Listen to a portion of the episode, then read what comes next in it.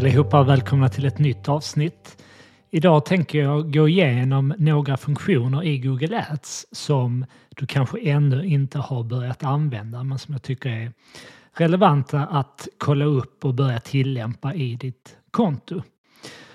Så att det som kommer att hända i sommar det är att så kallade textannonser kommer att fasas ut.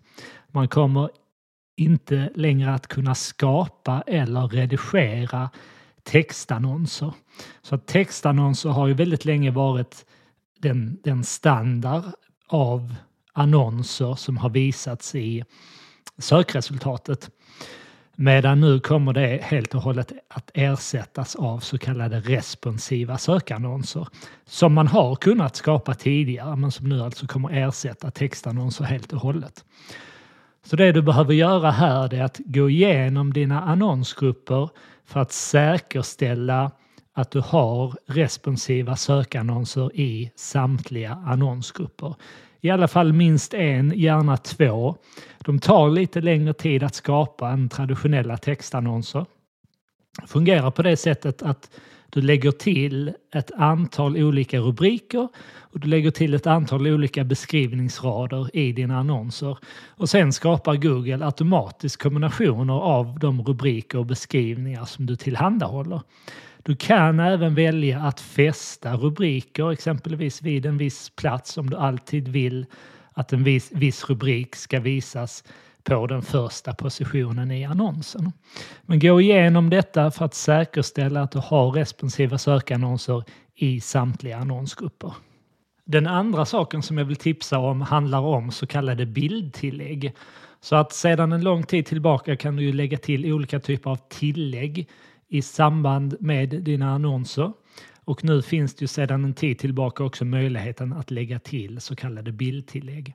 Det innebär helt enkelt att det visas en kvadratisk liten bild till höger om din textannons.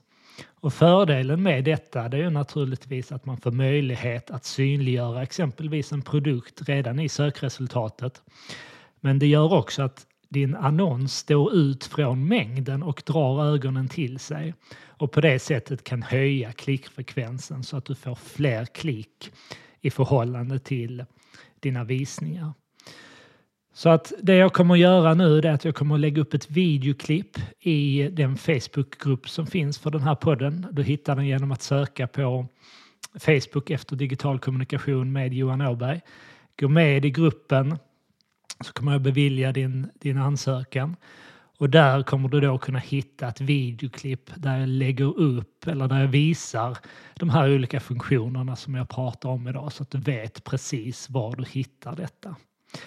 Den tredje saken som jag tycker att du ska börja göra i ditt Google Ads-konto om du ännu inte har gjort det, det är att applicera så kallade automatiska rekommendationer. Så att i ditt Google Ads-konto så tar ju Google hela tiden fram rekommendationer på vad du kan göra. Man kan även ställa in och konfigurera så att Google ges möjlighet att kunna tillämpa de här rekommendationerna automatiskt. Och här finns en mängd olika möjligheter och här tycker jag det kan vara en bra idé exempelvis att automatiskt tillämpa att Google får lov att ta bort sökord som överlappar varandra, alltså om man har sökord som är överflödiga i kontot. Man kan även ehm, ställa in så att eh, Google kan justera bud och så vidare per automatik. Jag kommer också att i videoklippet visa hur den här funktionen fungerar. Så det här var tre saker som jag tycker att du ska börja göra i ditt Google Ads-konto. Lägg in responsiva sökannonser i samtliga annonsgrupper eftersom textannonser kommer att fasas ut. Du kommer inte kunna skapa nya textannonser och du kommer inte att kunna redigera dina textannonser från och med sommaren. Titta också på möjligheten att lägga till bildtillägg. Det är viktigt där att du också tittar på de krav som ställs för bilderna som du laddar upp. Eh, jag kommer att visa, det finns en länk i anslutning till den funktionen där man kan se hur specifikationerna för de här bilderna ska se ut. Titta sedan också på funktionen där du kan tillämpa de rekommendationer som finns i Google Ads automatiskt så kommer det underlätta för dig att optimera ditt annonskonto. Vill du ha mer tips och inspiration kring just Google Ads så finns det massor med avsnitt i poddarkivet.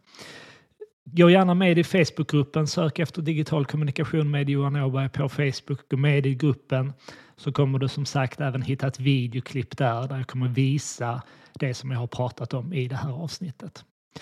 Så med det sagt så vill jag önska dig lycka till och så hörs vi om en vecka igen. Ha det bra!